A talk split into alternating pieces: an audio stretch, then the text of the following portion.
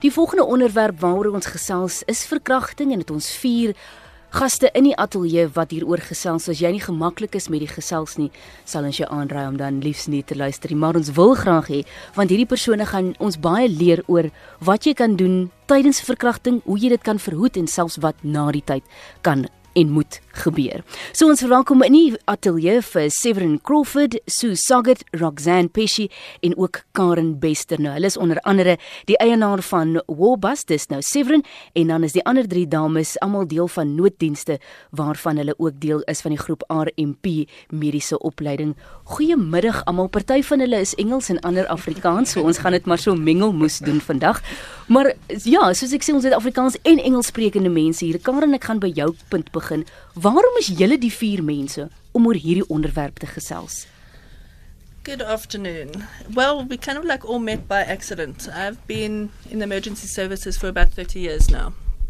And um, in different aspects, I get to deal with different situations. And you see the hurt and the trauma and the pain that people go through. And I've recently become um, unemployed and started our own company. And I met Severin, and one of the things that he offers is Warbus. Mm. And because women are always dis- considered the lesser sex, the weaker sex, disadvantaged, taken advantage of, this course really spoke to me. Sue, I met through church, okay, and she did trauma counseling, and we kind of like just all got started, got uh, started talking, and it's kind of like almost like being. It hasn't been a planned thing, but we do feel that we can empower women. Sue, hoe het jy deel geword van hierdie hele Ja, groep? weet jy wat? Ehm um, iemand het my gebel en sy het my gevra of ek kan uithelp met 'n bietjie uh, trauma berading. Ehm um, ek is 'n 'n leenberader, so it's a lay counselor do trauma counselling. En ehm um, sy het my gevra of ek met 'n uh, 'n vrou genaamd Karen Bester sal praat en ek het gesê maar ek ken die vrou. So dit was ehm um, nog 'n ver, uh, verrassing. Maar vir my is dit 'n baie ehm um, uh, I'm passionate about the topic for various reasons. Um vroumense word so verwaarloos.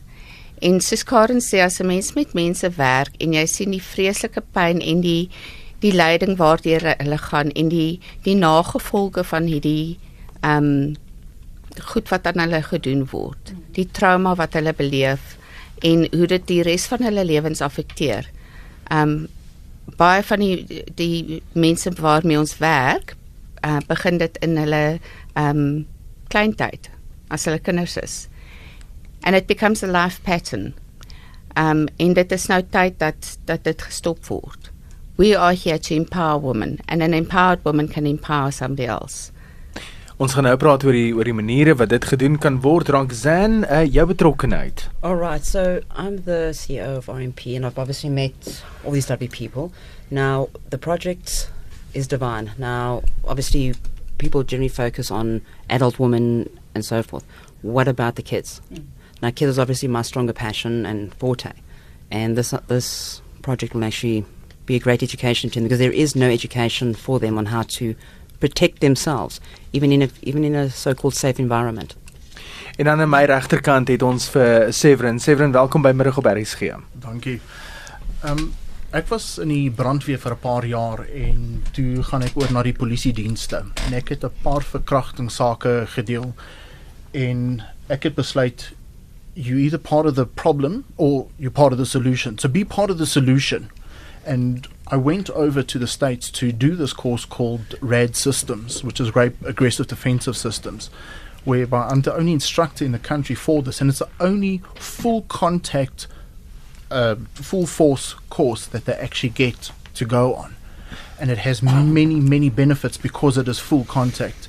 And I honestly believe that it is one of the better things that they can do, and it also holds a lifetime return policy. So at any time, if they want to come back and just get some frustration out and try, they are more than welcome to.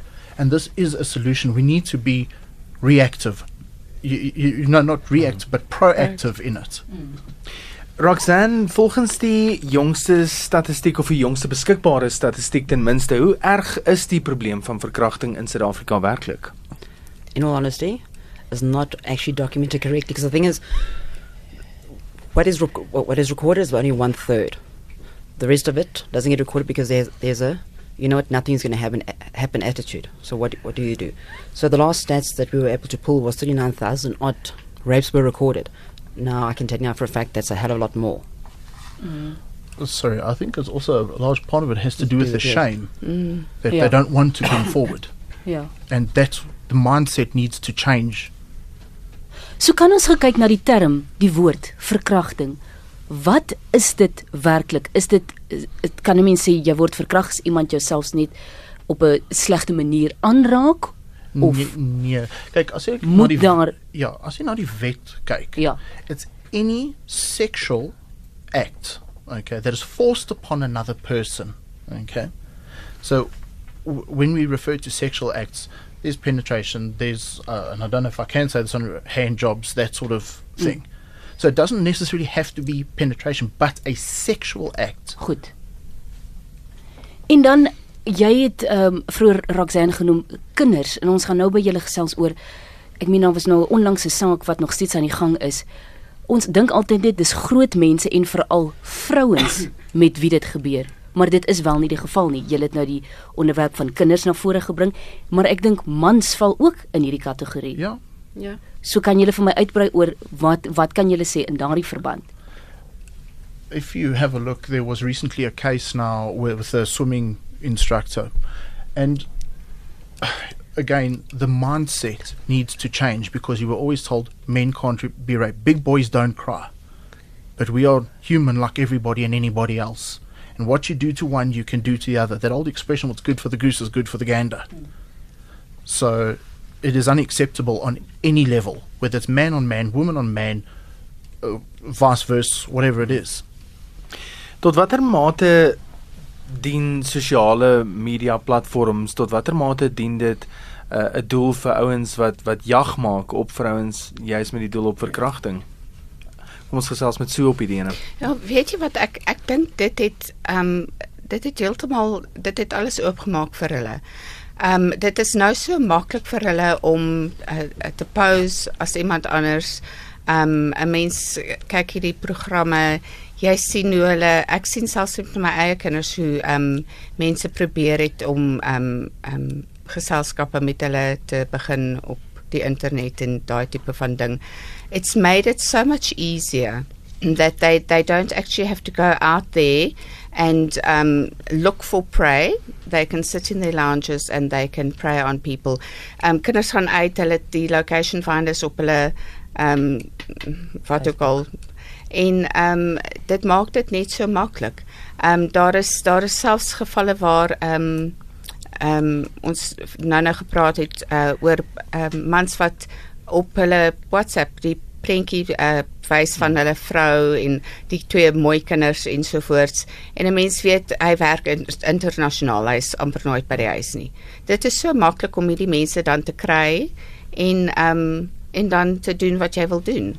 It it's opened up a whole can of worms. It's absolutely so uh, easy for them now to to prey on their victims and En to het- En dan iets wat ek daarbey wil voeg is iets onskuldig soos die Stokman familie Mm. wat op die motors geplant Ja, word, is dit ook 'n probleem. voertuig. Dit is 'n groot uh probleem want jy sê hoeveel mense is in daai huis of in daai voertuig. Mm.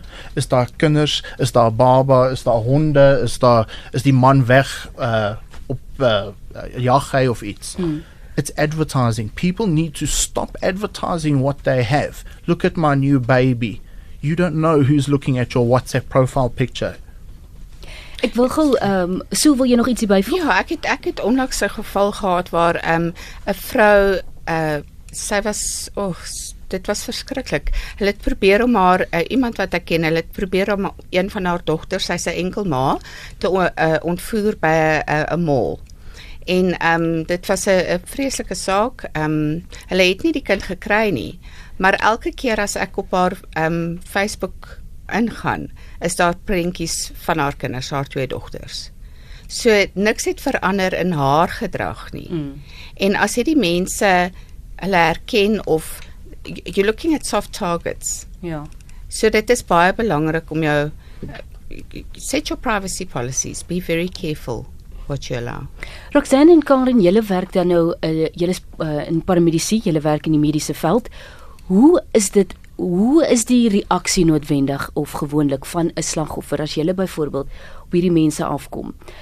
Wat is van die eerste dinge wat jy as paramedisie vir 'n persoon wat verkragt is moet sê en wat is die stappe wat daarna volg van hoe om dit te rapporteer? Okay, it's always a traumatic event. okay, so you need to take two things into consideration. Firstly, their emotional state. They've been um, traumatized, they've been t- violated by generally men.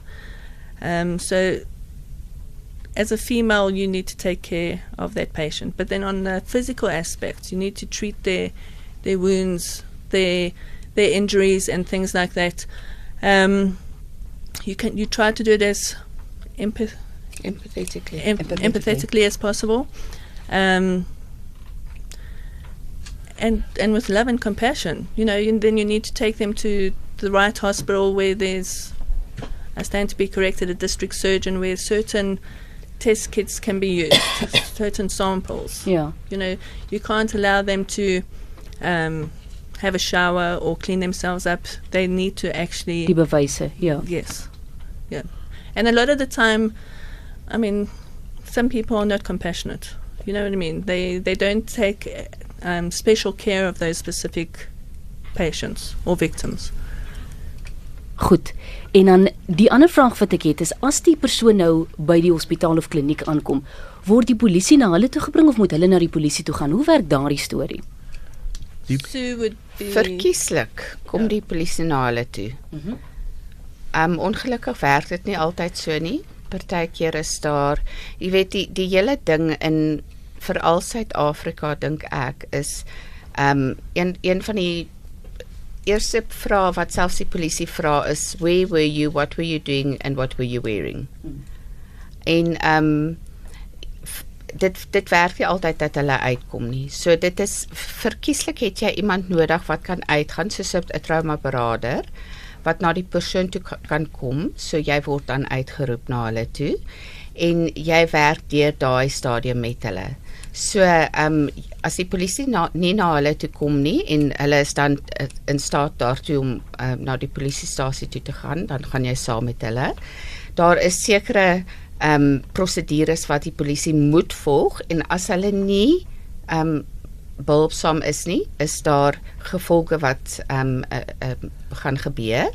Ehm um, daar is vorms wat uitgevul moet word. Daar is ehm um, baie streng prosedure en na dit ehm um, is uh, as hulle eers hospitaal toe is, dan uh, word die fisiese uh, behandel.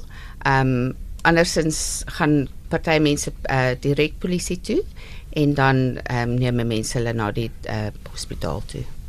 Karen, ek wil jy's na jou toe kom um en ons moet 'n oplossing hiervoor probeer vind. Maar waar begin 'n mens deur 'n oplossing te probeer vind daarvoor? Hoe verander jy um dit wat tans aan die gang is? Waar begin 'n mens daarmee?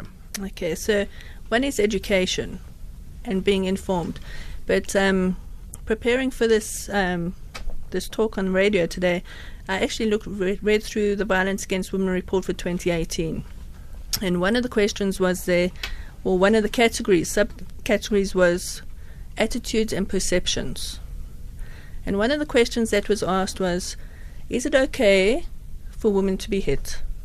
So obviously they divided it into male and they divided it into female. But it was interesting to see that a certain percentage of women said it was okay to be hit. And then furthermore, they asked another question were there certain situations where husbands were allowed to hit their wives? So there were certain questions like if they burnt the food, if they had an argument, if they neglected the children. There were about five different questions. And under women, there was quite a huge percentage that said that was okay to be hit by their husbands. Okay, so it's very difficult to prevent violence against women if that's what the attitude is. So we need to actually try and get people to change their, ma- their mindset. It's not okay to be hit. It doesn't matter what you do. You're a human being, you have rights, you need to be respected. So it's not okay. So trying to change the mindset is going to be quite a difficult issue. But then we hmm. can bring in what Severin is offering, the War Bus course. So it makes you alert to your situation, situational awareness. So rather prevent that situation than actually be in that situation. Become victims of it. En dan kom ons gou na jou toe, Severin, vertel ons gou van hierdie wallbust en selfverdediging. Ja, hierdie kursus um soos ek gesê het, dit is van Amerika af and it uses a mix of um what what, what did you say different tactics and it has been designed by an ex-navy seal and a cop.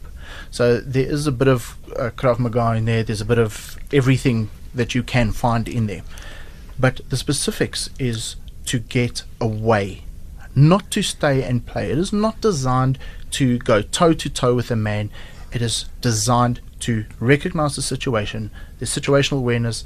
What can I do? How can I get away? Because if you are not there, you can't be raped. If you're not there, you can't be hit. And it's not that you you chicken. It's a case of what are you going to do if you're 44 kilos against a 102 kilo man that lays on top of you? Mm. And one of the the techniques that I showed to give you an idea, my mom is about 44 kilos. I'm 108.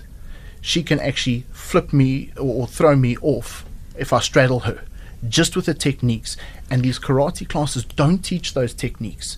Do you know how often women wake up and the guy's already on top of her in the bed?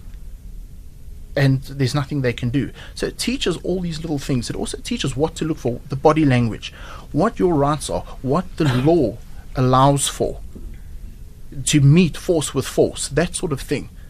And it also allows women to physically, and I shouldn't say this, I'm the one that gets abused because I have a special suit that I brought in and I encourage them to hit me as hard as they can. I encourage them to fight back. I want them to show that it is okay to fight back, it is okay to hit back, that you will survive it regardless.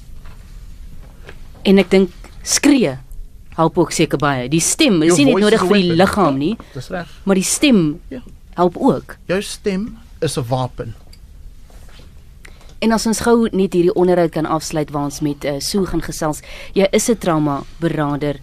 Wat is van die belangrikste punte waaroor jy altyd met mense gesels? Um, do you mean when it comes to to survivors of Mm. I think the most important thing, if you don't mind me speaking English on this part, is um, that number one, they need to be very aware that it's not their fault. They did nothing to deserve this. And that the stigma and the shame are not theirs to carry. It's the perpetrators, it's got nothing to do with them.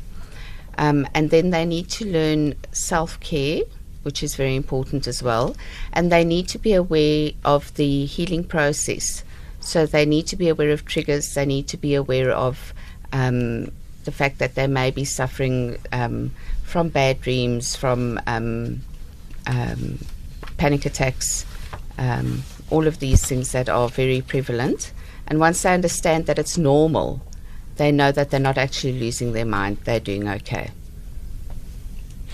24 minute voor 3 'n uh, paar van die boodskappe wat deurkom. Uh, Goeiemiddag, wees versigtig om vriende en familie te vertrou en moet nooit kinders alleen laat nie. Groete van anoniem af. 'n uh, Paar mense wat beweer die polisie is brutaal en gewelddadig in gevalle waar daar 'n slagoffer instap. Um, is dit uh, in baie is dit baie keer die geval? once again, you need to be able to change your mindset. And there's a difference between what the law says and what your religious or cultural beliefs are. If you believe it is okay to beat a woman in your cultural aspect, it is different from what the law says. And any cop has to open that case. He has got no right to judge and say, no, you're, you know, you deserve to get smacked by your husband. I'm not opening the case. Hulle moet daai saak aanlê. Severin ter afsluiting uh kontak besonderhede uh vir mense wat met julle wil kontak maak. Hoe hoe doen hulle? Ons het 'n nommer, hulle kan WhatsApp of uh, SMS stuur. Dit is 084 O, daar's 'n nommer weg hierso. Of hulle kan eintlik Ingrid at wall-bus.co.za. They can um, email there. Unfortunately, like I say, I have lost that number. But if you would be so kind as to put it on your your web page, I think that would actually be the best. En hierdie gesprek gaan ook beskikbaar wees as 'n potgooi bietjie later op erisg.co.za. Ons sê weer eens dankie aan ons vier gaste vir vandag. Dis Severin Crawford, Sue Saget, Roxanne Pesci en ook Karen Bester wat met ons gesels het oor verkrachting. Dankie julle vir julle tyd.